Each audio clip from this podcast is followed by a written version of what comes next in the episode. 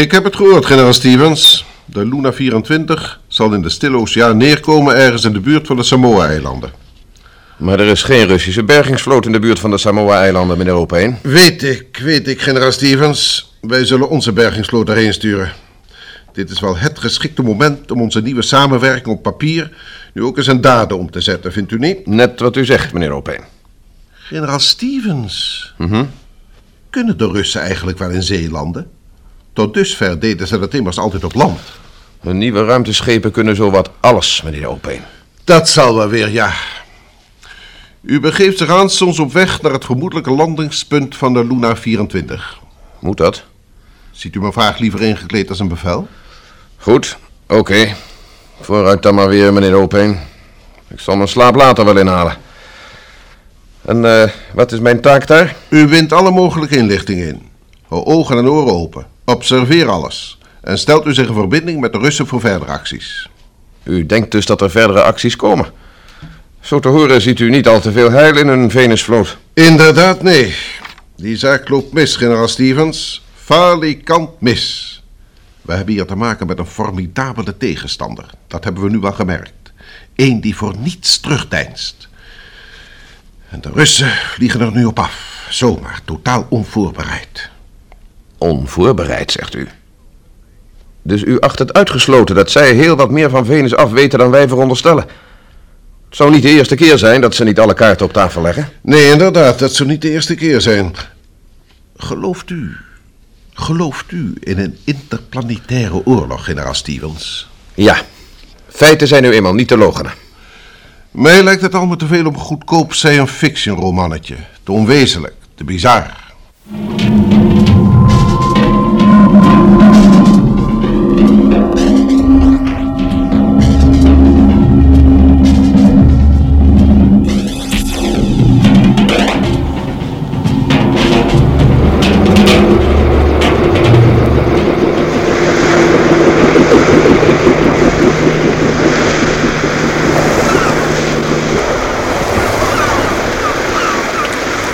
Oh, wat een weer.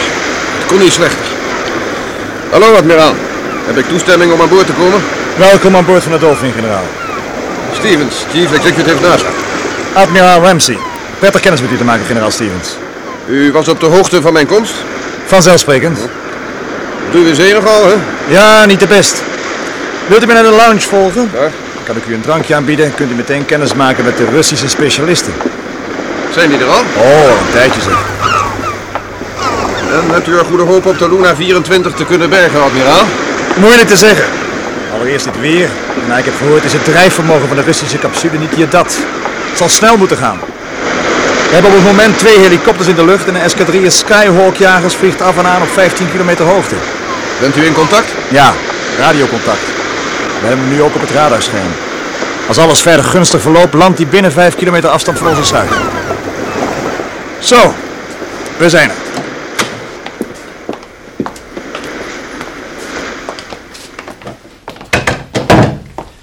Mag ik u voorstellen, mijn heren? Generaal Stevens, Chief Executive van de NASA.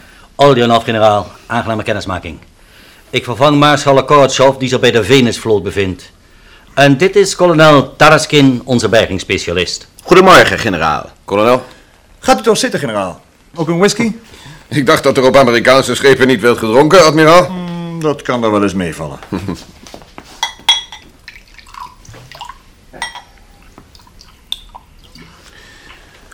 Op het welslagen van Mission Luna 24, mijn heren. En met onze dank aan de Amerikaanse marine. Hier commandobrug. Commandobrug aan admiraal. admiraal. Ja, admiraal hier. Kunt u zo snel mogelijk op de brug komen, admiraal? Moeilijkheden? Dat weten we nog niet, admiraal. Oké, kom eraan. Ik word op de brug verwacht, heren. Ik denk dat de pret gaat beginnen. Gaat u mee?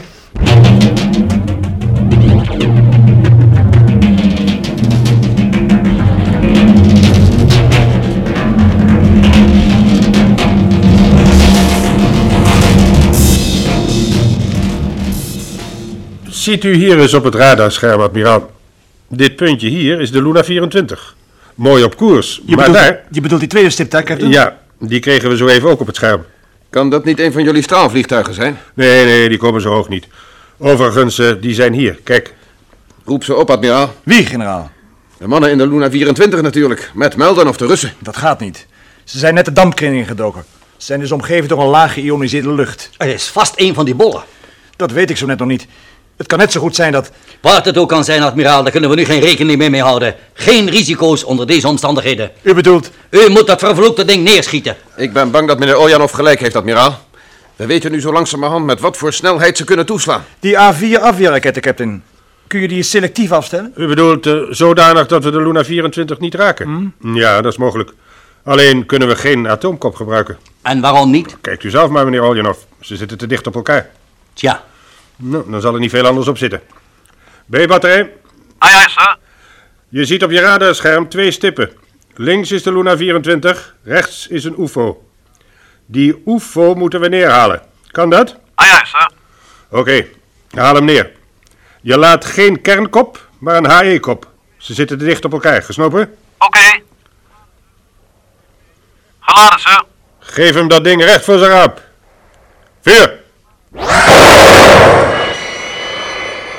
Raket weg, sir. Tijdsduur voor inslag? Eh, momentje. 24 seconden, sir. Dank je. En nou maar hopen dat die schutter gelijk had. Kijk, u kunt hem volgen op de radar. Hallo, hier Luna 24. Hallo, hier Luna 24. Over. Mag ik de microfoon, admiraal? Dank u. Hallo, Luna 24, ben jij dat met? Ja, zwaarste afremming is voorbij. Hoogte 15 kilometer. Eén parachute uit. En generaal, er vliegt een van die bollen vlak naast ons op misschien nog geen halve kilometer afstand. We weten het met. We hadden hem op het radarscherm al een poosje in de gaten. Ja, we kunnen er niets tegenuit richten. Maak je geen zorgen. Er is al een raket op afgevuurd. Alleen hopen we dat hij zich niet in zijn bestemming vergist en jullie het hiernamaals instuurt. Hij moet inslaan over eh zes seconden. Vijf, vier, drie, twee, één. Nu! Ja, daar op het radarscherm. Kijk, de tweede stip is weg. Met! Ja, weg! In één helvete flits. Verdomd knap staaltje. De hoofdparachutes gaan nu open. Daar heb je ze, generaal Stevens. Waar? Daar! Noordwest en westen. Ja, inderdaad. Een verrukkelijk gezicht. Dit had ik nooit durven hopen. een perfecte landing. Wel heb ik van mijn leven. Zeg, wat is dat voor een kolossaal ruimteschip? Die parachutes moeten elk minstens 50 meter doorsnee hebben. 54 meter, admiraal. Niet te geloven. Ah, de helikopters zijn al ter plaatse. Ze zijn geland.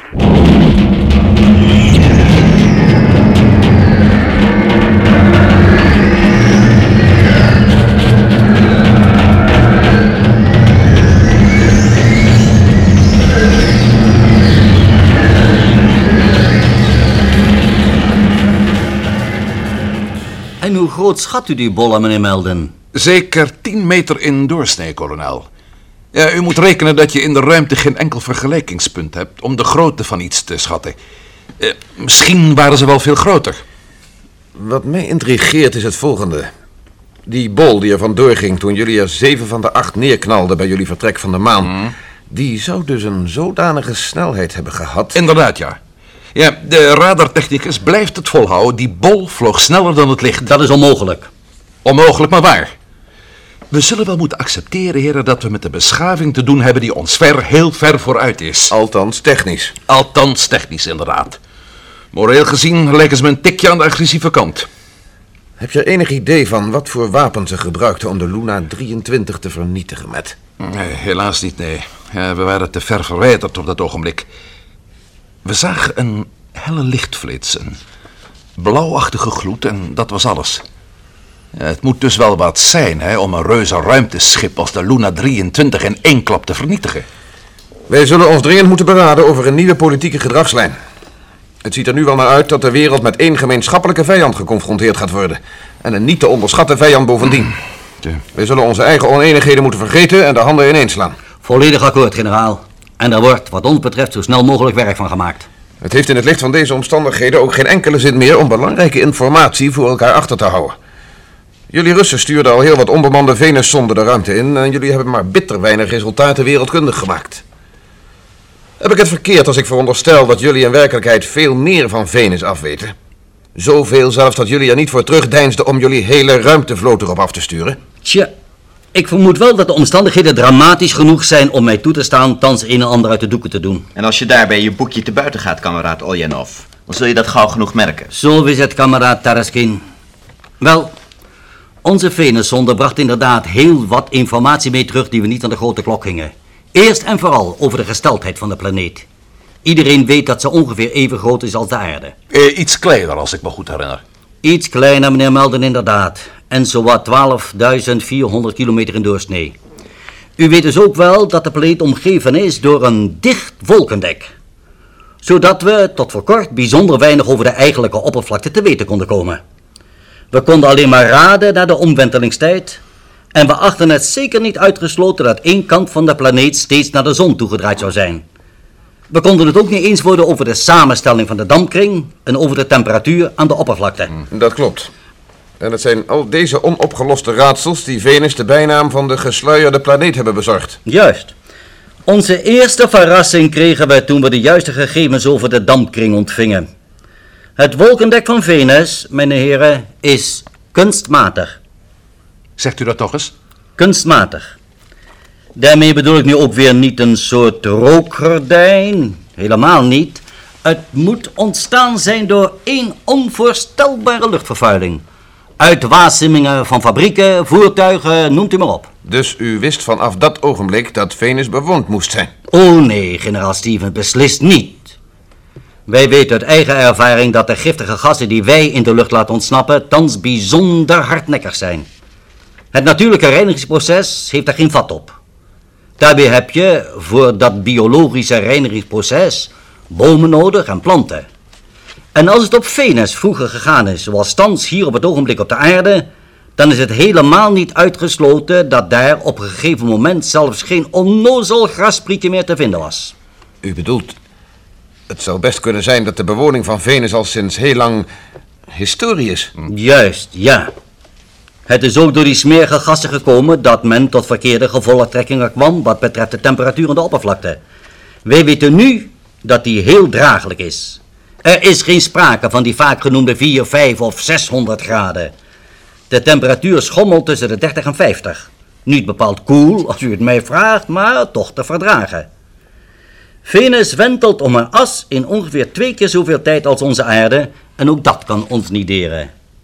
Echter, onze zondes zijn er niet in geslaagd om zichtbare overblijfselen van een beschaving te ontdekken. Nou, dan moet u toch wel vreemd op uw neus gekeken hebben bij de laatste ontwikkelingen. Want het is toch zo goed als zeker dat die bollen van Venus afkomstig zijn. Inderdaad. En ook de ontdekking van de Japanse geleerde Takata met zijn ruimtemodulerende radio heeft nu onomstotelijk bewezen dat Venus bewoond moet zijn. En door agressieve wezens die ons nu elk ogenblik op de nek kunnen springen. Nu zij op hun beurt weten dat de aarde bevolkt is. Ben ik niet met u eens, generaal. Dat is je goed recht, met. Laat jouw mening dan maar eens horen. Je kunt niet met één pennenstreek alle waarnemingen van geheimzinnige bollen, schijven, schotels en noem maar op naar het Rijk der Fabelen verwijzen. Alle mensen, ik hoef u toch niet te vertellen dat deze waarnemingen teruggaan tot diep in de middeleeuwen, zelfs tot in de grijze oudheid. Wat ik denk is het volgende. Zij weten maar al te goed dat de aarde bewoond is. En ze weten het al verdomde lang ook. Maar pas nu gingen ze tot een offensief over. En waarom dan pas nu? Maar dat is toch logisch, generaal Stevens? Omdat we nu technisch zo ver gevorderd zijn dat we naar andere planeten kunnen reizen. En als die ehm Venusiaanse beschaving, zullen we maar zeggen, het mensdom met al zijn fouten al sinds het begin der tijden in de gaten heeft gehouden, dan hebben wij niet beter te verwachten dan dat ze bang voor ons zijn. En wat zijn ze volgens jou dan van plan? Ons vernietigen. Of ons de mensen zodanig op ons donder geven dat we weer van voren af aan moeten beginnen. Ik heb ook science fiction gelezen in mijn jonge jaren met. Zou het niet mogelijk zijn dat ze met ons in contact willen komen? Dat ze alleen maar met ons willen eh, communiceren? Ja, meneer Melden, dat klinkt mij ook logischer in de oren dan dat drastische vernietigingsplan van u. Mijn heren, ik kan deze optimistische visie met de beste wil van de wereld niet met u delen. En wel om dezelfde reden die ik zo net naar voren heb gebracht. Als zij ons werkelijk gedurende de hele menselijke geschiedenis hebben bespied, dan kennen ze de waarde van ons gegeven woord en dan vertrouwen ze ons niet. Bent u een mensenhater, meneer Oh, Melden? nee, nee, nee, nee. Ik redeneer alleen maar zo nuchter en zo kritisch mogelijk. Natuurlijk is het niet uitgesloten dat ik me vergis. En als ik het voor het zeggen had, dan zou ik de knapste koppen aan het werk willen zetten om te proberen die uitzendingen die ons vanaf Venus bereikten te ontcijferen. Of althans te proberen met ze te praten. Maar ik ben bang dat er geen tijd meer voor is. Wat dat laatste punt betreft ben ik je man met. Ik kan je vertellen dat daar al werk van gemaakt wordt. De knapste deskundigen en geleerden buigen zich dag en nacht over die uitzendingen, geholpen door de meest geperfectioneerde computercombinaties. Maar helaas tot nu toe zonder resultaat. Binnen. Ik stoor toch niet, hoop ik? Stik van wel, captain. Ik kwam alleen maar om u even te vertellen dat het ruimteschip aan boord is, admiraal. Zonder één schrammetje. We hebben het op het voordek vastgezorgd. Goed werk, captain. Dank u, admiraal. Met u vanaf, heer. Dat is tenminste weer eens goed nieuws. Misschien beter nieuws dan wij met elkaar vermoeden. Beseft u allemaal wel dat we hier aan boord het enige startklare ruimteschip van de hele aarde hebben? Ook dat, ja. Zover had ik nog niet eens nagedacht. Of hebben de Russen misschien nog meer verrassingen in petto waar wij nog niets van af weten, collega Oljanov? Nee, collega Stevens, nee. Zover konden wij ook niet vooruitkijken. U mag het formuleren als een strategische blunder, maar nee, wij hebben geen reserves achter de hand. Wij zullen dus Luna 24 als een pasgeboren baby behandelen. Dat beloof ik plechtig. En Rusland zal dit ruimteschip ter beschikking stellen van onze nieuwe internationale ruimtecommissie? Dat spreekt toch vanzelf, generaal? Nou, zo vanzelfsprekend is het ook weer niet. Maar goed, laten we eens even verder redeneren.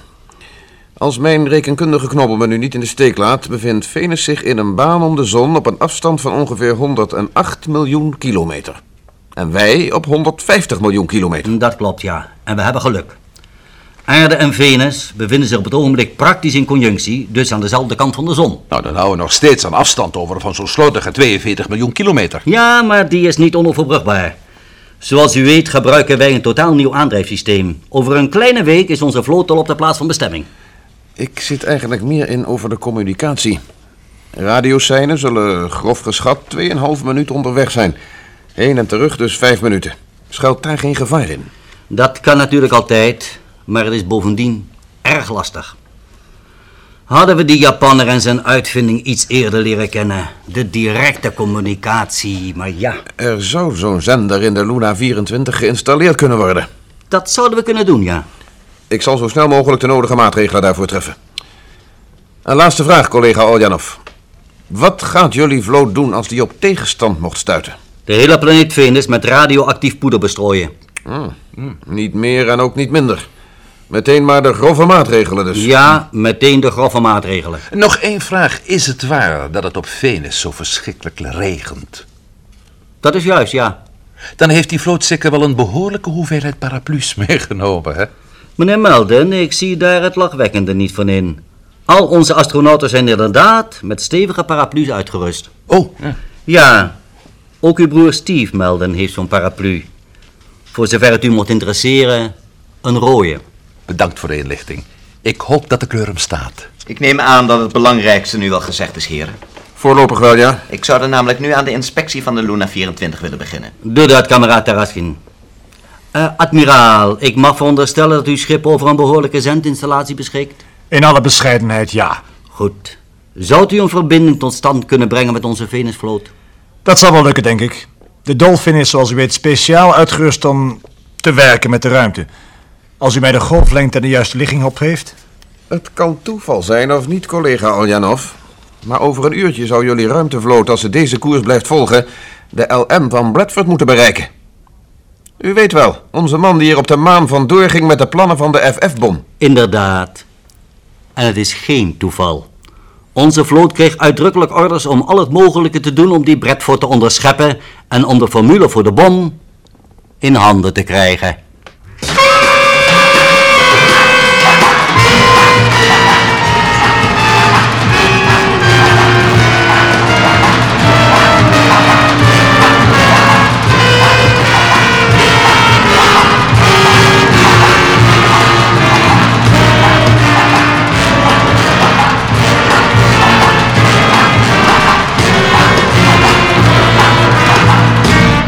Apollo 21. U hebt geluisterd naar het vijfde deel van De Gesluierde Planeet. Het vervolg op een ruimtevaartfantasie, speciaal voor de Tros geschreven door de Belgische auteur Paul van Herk. Bewerking André Meurs. Rolverdeling Matt Melden, Bert Dijkstra. Generaal Stevens, Paul van der Lek. Thomas Payne, Huip Orizant. Oljanov, Maarten Kaptein. Taraskin, Jack Horn. Admiraal, John Leddy. Captain, Willy Ruys. Brug, Piet Ekel.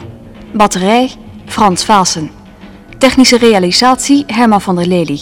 Assistentie, Leo Jansen. Regie, Harry Bronk.